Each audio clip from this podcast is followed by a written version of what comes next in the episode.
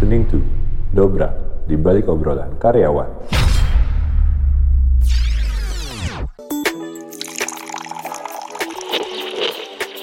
Buat lo yang baru lulus, yuk dengerin Career Hacks karena lo bakal nemuin tips menarik seputar rekrutmen dan dunia kerja dari berbagai narasumber berpengalaman. So, don't miss out guys, only on Podcast Dobra di balik obrolan karyawan.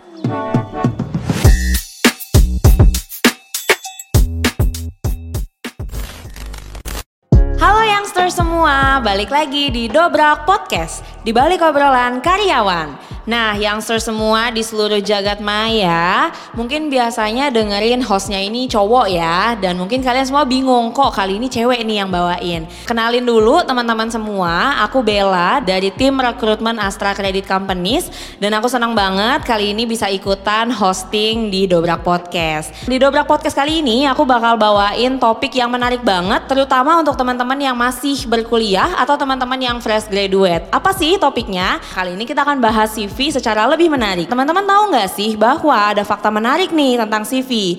Bahwa dikutip dari Kompas, sebanyak 98,8% perusahaan yang terdaftar dalam Fortune 500 menggunakan ATS dalam proses rekrutmennya. Wah menarik banget ya. Hari ini kita akan bahas lebih dalam tentang CV dengan narasumber yang spesial banget. Langsung aja aku panggilin ada Mas Oto. Hai Mas Oto.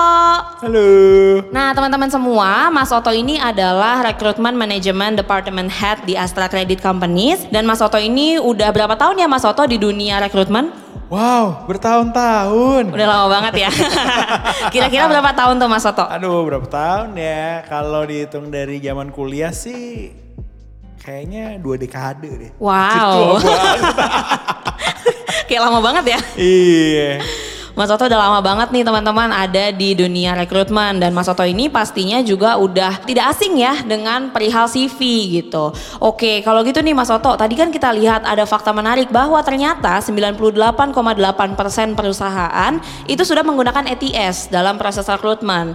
Nah, sekarang aku mau nanya dulu nih dari pertanyaan yang tersimpel. Sebenarnya apa sih yang membedakan antara CV ATS dengan CV kreatif dan kapan kita bisa tahu kapan kita harus menggunakan CV kreatif dan kapan kita harus menggunakan CV ATS. Nah, bikin CV itu 5 menit jadi Kal. Kalau lo punya kontennya itu yang paling penting. Ya. Ya kan kalau lo nggak punya kontennya lo akan sibuk menghias ya kan ya. Fotonya dibikin bagus apa segala macem ya. Tapi kalau lo udah punya kontennya mah 5 menit tuh jadi CV. Nah pertanyaannya menarik tadi yang disampaikan sama Kalista ya. Karena sebenarnya gue lihat juga di berbagai sumber cukup banyak orang sekarang membahas CV ATS. By the way ATS itu Applicant Tracking System. Itu adalah sebuah sistem di mana pencari kerja dan orang yang membuka lowongan atau pihak perusahaan itu sama-sama bisa melacak proses uh, rekrutmen atau proses seleksi dari sebuah posisi di sebuah perusahaan gitu. Nah, kenapa ATS ini jadi sangat populer? Karena sebenarnya ATS ini mengakomodir sebuah isu yang disebut dengan candidate experience. Jadi hari ini isunya adalah bukan lagi orang cari kerja itu kayak kayak zaman dulu gitu ya, datang ke company-company bawa map biru gitu ya. Terus kemudian posisi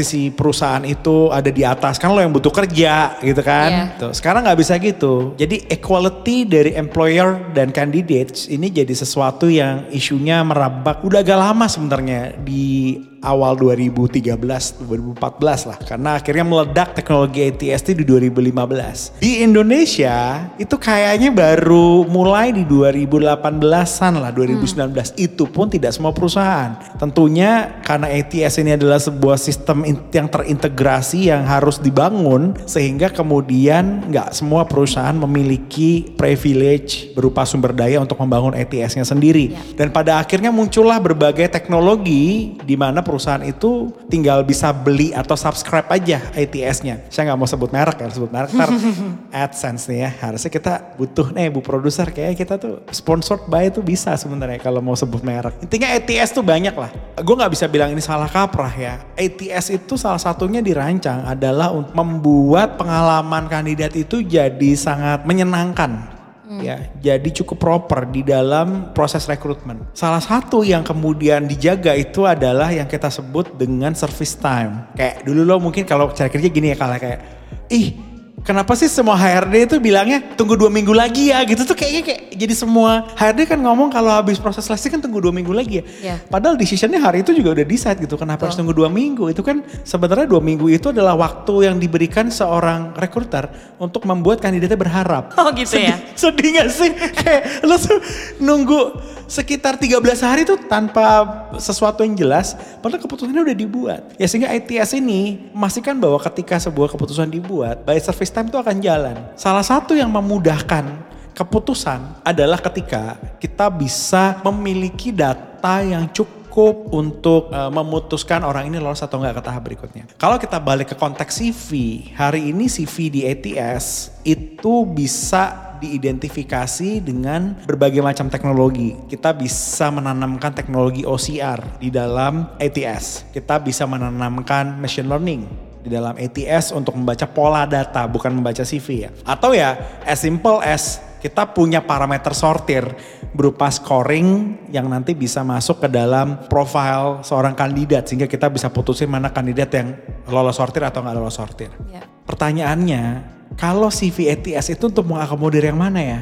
Nah, jadi youngster CV ATS itu dia bisa membaca CV-nya, desainnya itu hanya ketika ada teknologi OCR yang ditanamkan di dalam ATS suatu company. Ya, sementara dua yang lain itu membaca data yang dimasukkan. Ya, jadi tidak perlu CV kayak di ACC. ACC bukan OCR based ATS yang kita punya Red Berries tuh Kal. Ya. Ya kan, penasaran apa itu Red Berries? Nah nanti ada ya di description boxnya ya. ACC itu bahkan tidak punya OCR ditanamkan. Jadi kalau ngirim CV ke ACC tuh pakai foto salah nggak sih? Enggak. Orang kita juga nggak lihat CV-nya.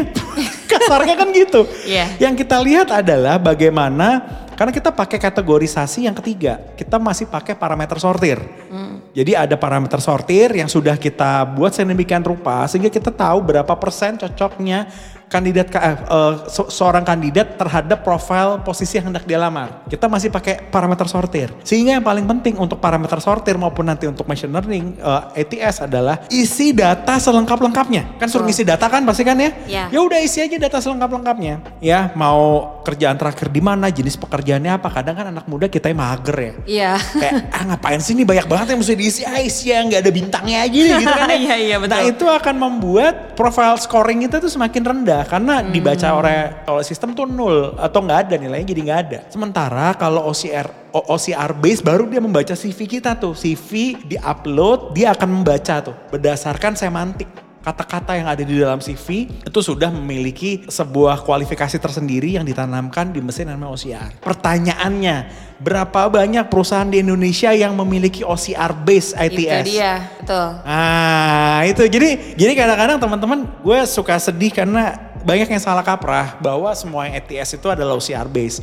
Dan bahkan perusahaan tanpa ATS aja lu kirimnya ATS base. Padahal dia pengen lihat muka lu. Ya betul. Iya kan kadang-kadang kan ada pekerjaan yang memang nggak bisa menutupi ya kal ya. Ada pekerjaan-pekerjaan yang memang membutuhkan tampilan fisik gitu ya. Betul. Tapi ada juga banyak pekerjaan yang nggak butuh Ya. gitu ya. Lalu bayangkan bahwa ketika lo salah mengadres, yang terjadi adalah ya lo kirim ATS friendly CV ke perusahaan yang tidak pakai ATS ngapain juga.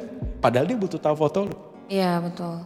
Ya jadi kalau balik lagi ke pertanyaan lo tadi, gue mau balikin ke konteks bahwa apa sih bedanya ATS base CV dengan satu lagi tadi Kreatif. Eh, kreatif. Ya ATS base CV bisa dibikin kreatif. Ya memang kelihatannya kalau ATS base CV itu kayak plain banget kal. Even kayak jarang ada orang pakai foto di situ yang kayak tampilannya tuh udah kayak, ya kalau lo lihat sekarang di kandidat-kandidatnya di web karir kita tuh, itu udah banyak tuh yang ATS Iya. gitu ya. Hitam putih, nggak ada warna apa segala macam itu plain banget. Ya nggak ada desain. Gitu. Iya, terus yang satu lagi yang kreatif ya sebenarnya ya masih ada desain, masih ada foto, masih ada warna dan lain-lain. Apa perbedaannya ya? Perbedaannya sih menurut gue balik lagi, gue tidak melihat dua CV ini berbeda. Kalau konteksnya kita lihat berdasarkan teknologi yang dipakai. Kecuali teknologinya sudah OCR based ATS, baru kemudian bunyi tuh CV ATS friendly lo. Oke. Gitu. Oke, jadi kalau kita bikin CV itu belum tentu harus selalu ETS ya, karena semuanya menyesuaikan lagi sama perusahaannya. Belum tentu semua perusahaan di Indonesia itu sudah ETS friendly gitu dibilangnya. Betul, lihat konteksnya gitu ya, lihat konteksnya. Terus kemudian kalau lu ngelamar jadi seorang marketers di agency gitu ya, kayaknya ETS friendly yang terlalu plain justru akan membunuh lu gitu. Betul, Ya, yang setuju. dibutuhkan kan adalah kreativitasnya. Atau jangan-jangan nggak perlu bikin CV, tapi lo perlu bikinnya adalah portfolio, ya kan? Kalau bekerja di industri kreatif, gitu Ya. sih Kal. Balik lagi, yang diminta apa itu yang lo kasih. Nah bener banget tuh youngsters, jangan sampai misalkan kita lulus kemudian kerjanya mau jadi model misalkan. Nah. Atau mau freelance eh, jadi social media misalkan. Eh, kemudian kita bikin CV-nya malah yang ETS, padahal dibutuhkan juga untuk melihat look-nya, untuk Ya. melihat kreativitasnya, dan itu sebenarnya bisa sedikit dimunculkan dari kreativitas menyusun CV-nya. Setuju. Iya, Iya. jadi sebenarnya gini loh teman-teman. Kita itu bisa punya berbagai konteks CV. Misalnya nih ya, kalau fresh graduate tuh gue suka bilangnya tuh gini. Bikin satu folder yang di mana isinya itu berbagai lamaran lo ke berbagai posisi yang lo incar. Tentunya kalau lo ngelamar manajemen trainee di perusahaan besar di big big name corporate gitu ya, big name corporation akan berbeda dengan ketika lo mau melamar sebagai social media uh, influencer uh, freelance di satu agency. Ya, Akan berbeda lagi kalau lo melamar menjadi seorang account management di satu banking. Akan berbeda lagi ketika lo ngelamar menjadi seorang technician karena lo adalah sebenarnya latar belakangnya engineer. Ketika kemudian lo punya kontennya, harusnya lo bisa punya berbagai macam jenis CV. Cuman sekarang masalahnya adalah kebaikan kita anak muda itu nggak punya kontennya. ya betul. Nah, Itu menarik juga tuh untuk dibahas. Kebanyakan sembarang tahu tentang oh CV itu ada ETS dan juga ada kreatif. Kemudian asal buat. Padahal ada hal yang lebih penting dibandingkan dari looknya.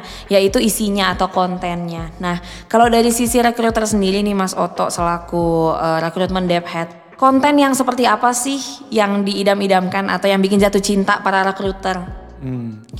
Yang sesuai dengan apa yang kita cari. Jadi gini, ini sebenarnya agak sedikit bocoran dapur ya dari berbagai macam konteks rekruter yang gue tahu. Konten yang diharapkan tentunya adalah sesuatu yang mencerminkan profil posisi yang dicari oleh seorang eh, oleh sebuah company. Gampangnya gini, kalau kita mau melamar sebagai management trainee, sudah pasti salah satu pengalaman yang diminta adalah pengalaman exposure di bekerja bersama tim Oke. belum tentu organisasi mahasiswa lo ya. Coba lo simak lagi deh tuh berbagai macam tips yang udah gue kasih di episode di season 1 sebelumnya ya. Jadi bisa jadi exposure-exposure lo itu yang dibutuhkan kalau lo melamar sebagai management trainee. The problem is biasanya orang baru sadar begitu udah mau lulus kal. Jadi kayak mau melamar MT diharapkan bisa belajar manajemen, belajar leadership di situ. Sementara saingannya adalah orang-orang yang sudah punya Ya betul. ya kan konten gitu ya untuk dia bisa bersaing dengan kita semua gitu yang mungkin minim pengalaman bekerja dengan tim. Kalau lo mau jadi misalnya kayak social media influencer tadi ya, Ya. lo mau jadi kayak social media manager gitu. Ya tentunya seberapa lo punya portofolio, pengalaman eh, untuk bisa memanage sebuah social media. Bisa jadi ya CV-nya itu tipis aja satu halaman minim informasi tapi portofolionya yang tebel Betul. ya kan kayak buat jadi buat jadi desainer ya atau product designer atau Iya. jadi kalau di konteks tech di konteks tech talent tuh ada product owner, product product manager, product designer, system engineer segala macam. No matter what tuh kadang-kadang kita mikir gini, gue nggak peduli kadang-kadang lu tuh lulusan mana, kampusnya mana, kadang IPK-nya berapa gitu ya. Tapi lu punya portofolionya, itu yang kita cari karena itu yang apa ya suitable buat eh, posisi yang sedang kita cari gitu. Begitu kita mau bikin CV, rasanya kita nggak bisa gini loh. Kalau zaman dulu tuh masih kayak gini kal, kayak, eh gue ngelamar nih ke mana? Ke Astra. Eh gue ikutan juga dong, CV gue nih titip. Hmm. Gue nggak tahu sih eh, yang stars yang lagi dengerin lo melakukan itu atau enggak. Kalau lo melakukan itu, itu lo udah mm, punya satu blunder menurut gue. Karena nggak bisa CV itu dititip. Lo belum tahu sebenarnya di sana di Astra ada ada lowongan apa, di ACC ada lowongan apa Ya gitu loh. Yang mana yang cocok buat lu, lu pelajarin dulu. betul. Gitu, nggak semua MT sama. Di ACC MT-nya gimana, nanti di Astra lain MT-nya gimana, di perusahaan di luar Astra MT-nya gimana. Lo pelajarin, baru lu pikir lu, lu, lu mereflek kira-kira nih pekerjaan gue nggak ya gitu. ketika lo bikin CV itu adalah setelah lo mereflek bahwa pekerjaan ini kayaknya dari pengalaman gue bisa nih gue gitu loh. Iya. Baru lo bikin CV-nya, lo susun CV-nya, lo kirim deh ke perusahaan. Iya, jadi sekarang harus disesuaikan dulu sama posisi yang kita inginkan. Betul. Kemudian direfleksikan ke diri kita sendiri apakah kita punya pengalaman di posisi tersebut baru kita kirim CV-nya. nggak bisa main titip gitu ya. Iya, dan pengalaman di sini ini jangan dianggap sebagai kayak ah gila sekarang semua orang yang dicari adalah orang yang punya pengalaman. No, no, pengalaman di sini dalam konteks sesuatu yang sebenarnya situasi yang sama, bukan murni pengalaman kerja. Kayak MT kita ya kali itu kan fresh graduate banget ya. Iya. Tapi seberapa dia punya eh, pengalaman-pengalaman terkait dengan bekerja dengan tim, terkait dengan kepemimpinan, terkait dengan problem solving. Ya, jadi sih mudah-mudahan yang dengerin ini teman-teman yang semester 3 gitu loh kan harapannya kan semester 4 gitu ya. Yang sadar bahwa nanti ketika bikin CV itu jangan sampai lu mau ngetik terus gak ada Bingung. "Ah, mau ngetik apa ya gitu. Eh gue juga pengalaman gini-gini aja nih gitu. Iya. Nah itu yang bahaya sebenarnya sih. Daripada lo musingin ETS friendly, gak ETS friendly, kreatif dan lain-lain. Mending yang lo pikirin pertama kali adalah konten. Konten. Iya. Oke, berarti karena konten ini jauh lebih penting juga daripada penampilan dari CV-nya. Mungkin teman-teman yang semester 3 atau semester 4 itu bisa mulai-mulai cari pengalaman kali ya, ikut organisasi, ikut latihan leadership dan kepemimpinan. Nah, tapi kalau Mas Oto eh, kalau kita lihat lagi nih, sebenarnya di MT ini kalau ditanya mereka kan semua fresh graduate. Kalau fresh graduate ini kadang mereka tuh bingung eh, mau menulis pengalaman apa di dalam CV-nya. Sebenarnya pengalaman sebagai fresh graduate itu bisa masuk ke pengalaman apa aja sih? Nah menarik nih, eh, fresh graduate itu bisa punya bobot yang menurut gua melebihi orang punya pengalaman kerja kal. Pengalaman gua di rekrutmen dan pengalaman gua sebelumnya merefleksikan itu. Karena, karena gini, bisa jadi sebagai seorang fresh graduate, lo tanpa sadar, lo pernah mengalami sebuah fase di mana lo sebagai asisten dosen dan lo sebagai mahasiswa yang harus mempertahankan beasiswa, lo juga aktif organisasi, tapi lo juga sambil bantuin orang tua lo dagang. Wah itu menurut gua bold banget pengalamannya. Gitu. Dibanding orang yang lulus, kerja, kerjanya juga dia nggak tahu apa, terus cabut lagi gitu. Yang masih cari jati diri tapi di kantor. Iya. Lo kalau cari jati diri jangan di kantor. Cari jati diri itu pada saat sebelum lu masuk dunia profesional. kerja, ya betul. Mau nemu apa kagak itu urusan belakangan.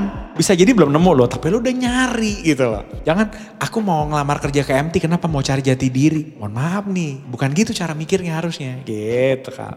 Oke, berarti bisa jadi youngster semua yang sebenarnya masih di dalam kampus, masih di dalam dunia kuliah, bisa ikut banyak kegiatan, banyak beasiswa, dan itu bisa jadi kesempatan untuk mereka dapat banyak pengalaman yang bisa jadi lebih mahal dan lebih banyak daripada mereka yang sudah di kantor gitu. Betul. Nah, kalau misalkan kita kerucutin lagi nih, kita ambil satu contoh posisi, misalkan manajemen trainee yang ada di ACC sendiri. Kalau dari Mas Oto sendiri, kira-kira kompetensi apa sih yang paling dicari daripada fresh graduates dalam CV ini? Misal Mas Oto melihat CV, tiga hal utama yang paling dilihat dari CV pelamar MT. Oke, wah ini buka dapur nih kita nih ya. Oke, eh, parameter sortir gue yang pertama adalah pastinya karena di manajemen trainee kita lihat pengalaman organisasi, pengalaman bekerja dalam tim gitu ya. Intinya adalah pengalaman dia pernah ada di posisi apa. Makanya di CV itu sangat penting bukan cuma nulis posisi, tapi kerjaan lo apa. Jadi misalnya gini, gue ketua himpunan atau gue ketua panitia acara. Ketua panitia acara ini bisa jadi acara kumpul-kumpul, temen geng gitu ya. Atau kumpul-kumpul satu fakultas tapi bisa jadi ini adalah kumpul-kumpul perwakilan mahasiswa fakultas hukum senasional. Itu kan beda banget ya. Itu yang mesti clear. Jadi ketika ketika itu cukup clear itu akan terlihat cukup catchy di mata rekruter. Oke. tapi kalau lo cuma tulis ketua panitia gathering fakultas hukum udah. Terus ketua apa ya tanpa kemudian ada keterangan yang cukup jelas rekruter jadi ber- berasumsi ini acara gede nih. Bagus kalau dibilang gitu, oh ini acara nih kayak oke nih gede nih. Kalau rekruternya sebaliknya, ah lah nih apa sih kumpul-kumpul fakultas hukum, paling kan cuma kumpul-kumpul doang nongkrong gitu kan. Karena recruiters juga kan dulu pernah kuliah ya. iya gitu loh, jadi kayak enggak lah ini kayaknya acara kecil. Nah makanya biasanya dituliskan peran lo apa, fungsi utama lo apa, Oke. scope, orga- scope, scope kerjanya kayak apa. Itu bisa membuat rekruter jadi bisa membayangkan pekerjaan lo. Semakin challenging, itu biasanya gue makin suka. Hmm.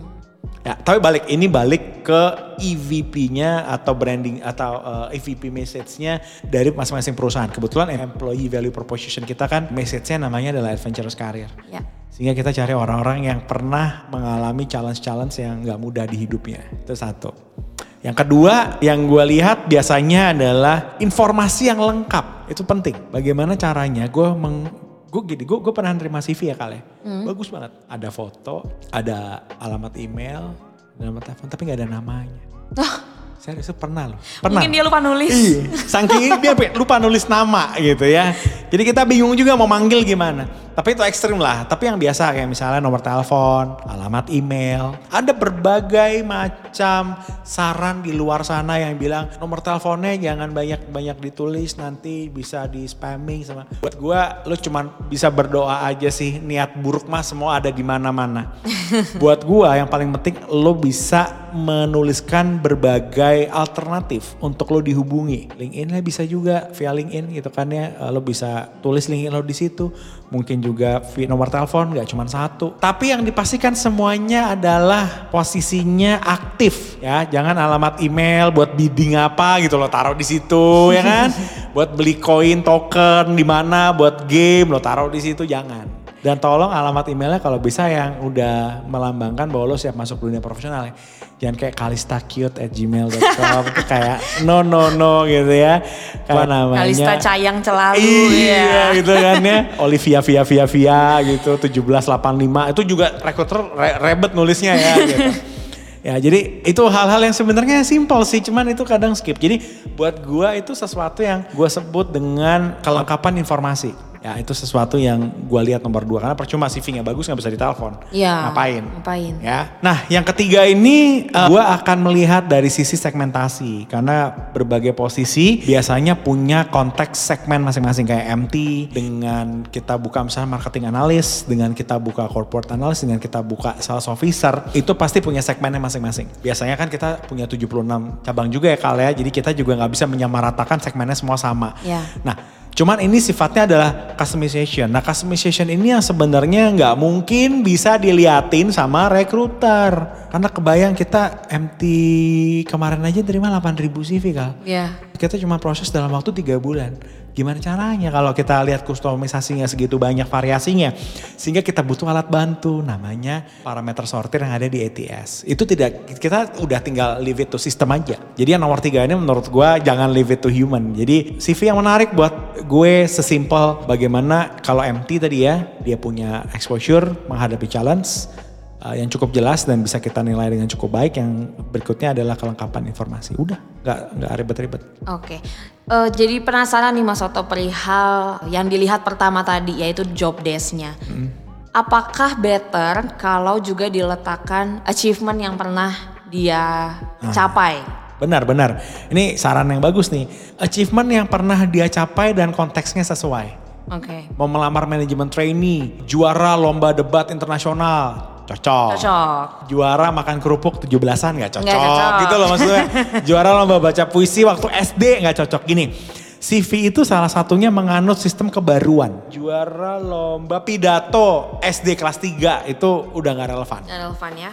Ya, jadi kalau bisa ada kebaruannya. Kita lihat biasanya 3 sampai 4 tahun terakhir. 3 sampai 4 tahun terakhir. Iya, karena itu biasanya masa kuliah ya. Ya.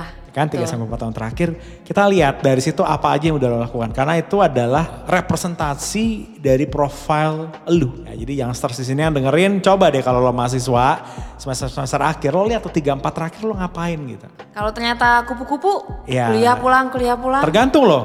Kupu-kupu begitu pu nyampe rumah dia main saham. Wah, Oke dong. Oke, oke, bisa jadi. Ya kan Betul. gitu. Dia ternyata ini trader apa segala macam gitu ya. Eh, eh, maksudnya trader yang bener ya, bukan yang nggak bener ya. Gitu ya, oke gitu. Terus dia ternyata nyampe rumah bantu orang tuanya jaga toko. Oke dong Oke. gitu. Jadi kupu-kupu sekarang menurut gue rasanya nggak perlu kita terlalu judge ah ini nggak asik nih pasti nanti nggak bisa jadi MT jangan salah ya, justru kadang-kadang begitu punya punya sesuatu yang cukup berbobot oh bagus banget malah menurut gue dibanding kayak sorry nih kan ada beberapa organisasi mahasiswa yang juga kayak iye banget ya kali. yang penting nongkrong aja udah meeting kayak berasa keren banget meeting sampai jam 3 pagi gitu kan tapi kayak what lo sebenarnya bisa punya banyak aktivitas yang lebih berbobot sih dan itu yang sebenarnya akan menentukan CV lo. Oke, berarti kalau secara dari CV sendiri kalau kita tarik lagi dari awal itu ada hal yang lebih penting dibandingkan kita memikirkan ETS atau enggak, kreatif atau enggak, yaitu adalah konten. Dan gimana caranya supaya kontennya itu bisa dilirik oleh rekruter atau membuat rekruter jatuh cinta nih, yaitu dengan kita mengumpulkan sebanyak-banyaknya pengalaman selama kuliah. Nggak cuma pengalaman yang ada di kampus aja, tapi juga pengalaman yang ada di luar. Nggak usah worry buat yang kupu-kupu, karena kupu-kupu itu bukan berartinya jelek ya Mas Oto, karena bisa jadi ketika dia pulang mungkin dia punya kegiatan lain dan dari kegiatan lain itu bisa terbangun nilai-nilai yang ternyata penting juga di dunia kerja misalnya dari teamwork, dari kerjasamanya, kemudian dari uh, leading motivationnya, dari kegigihannya, semua itu bisa didapatkan tidak hanya di kampus. Kemudian dilihat juga uh, kalau kita mau melamar suatu pekerjaan, pastinya CV ini harus disesuaikan dengan pekerjaan yang mau kita apply dan kita harus evaluasi ke diri kita lagi, apakah kita punya pengalaman yang mumpuni atau yang cocok dengan lowongan yang ingin kita apply. Kurang lebih kayak gitu ya Mas Oto. Oke, kira-kira kalau dari Mas Oto sendiri mungkin ada tambahan atau pesan untuk para fresh graduate atau yang masih kuliah, yang masih semester 3 nih setelah mendengar podcast kita mungkin dapat pencerahan, ah nextnya gue mau ikut banyak kegiatan lagi. Mungkin Mas Oto ada pesan untuk mereka semua supaya lebih terarah ke dunia kerja ketika mereka bikin CV. Pesannya bisa jadi panjang karena bikin CV itu sebenarnya adalah bagaimana kita bisa membuat sebuah dokumen yang sangat merepresentasikan menggambarkan diri kita kayak apa. Tapi karena waktu kita juga gak banyak ya, jadi simpel aja. Ketika kita bikin CV, pastikan kita memastikan bahwa kita ingin memberikan message kepada siapa yang membaca. Artinya apa? Kita harus tahu apa message kuat yang akan kita sampaikan ke orang yang membaca CV kita. Dan siapa orangnya, kita juga mesti tahu. Siapa orangnya, pasti teman-teman habis ini nggak harus nge-stalk LinkedIn gitu ya. Siapa aja nih rekruternya di Astra nggak perlu. Tapi siapa orangnya itu artinya adalah perusahaannya seperti apa. Jadilah orang yang tidak sekedar melihat CV adalah sebuah kertas yang sifatnya itu template. CV adalah bagian dari diri kita ketika mau masuk dunia profesional. Ini adalah door knockersnya yang mengetuk pintu pertama kali. Nanti di luaran sana ada yang bilang ada ada resume lah, ada CV, satu lagi ada cover letter, jangan pusing-pusing. Kalau di ACC mah itu semua kalian tinggal masukin ke dalam data web karir, nggak perlu Yeah. Resume, ada surat pengantar, cover letter, di kita nggak pusing-pusing. Ya jadi message terakhir gue adalah kalau teman-teman mau coba untuk memulai petualangan karir, coba aja ngelamar satu posisi yang mungkin bisa ada cocok melalui web karirnya ACC. Thank you banget Mas Soto buat sharing-sharingnya terkait CV, terkait konten, pengalaman kerja dan organisasi dan lain-lain. Buat semua youngsters yang mendengarkan podcast Dob ini, semoga informasi kali ini bisa mencerahkan atau menambah informasi untuk youngsters semua sehingga ke depannya bisa lebih terfokus nih ketika cari pengalaman baik di kampus maupun di luar kampus dan juga bisa membuat CV dengan konten yang lebih baik. Oke, kalau gitu thank you banget buat youngsters semua. Sampai ketemu lagi dengan gue Kalista di Dobra Podcast di balik obrolan karyawan. Bye, see you. Dadah. That was podcast Dobrak. Don't forget to follow our Instagram at LensACC for more info and see you on another episode.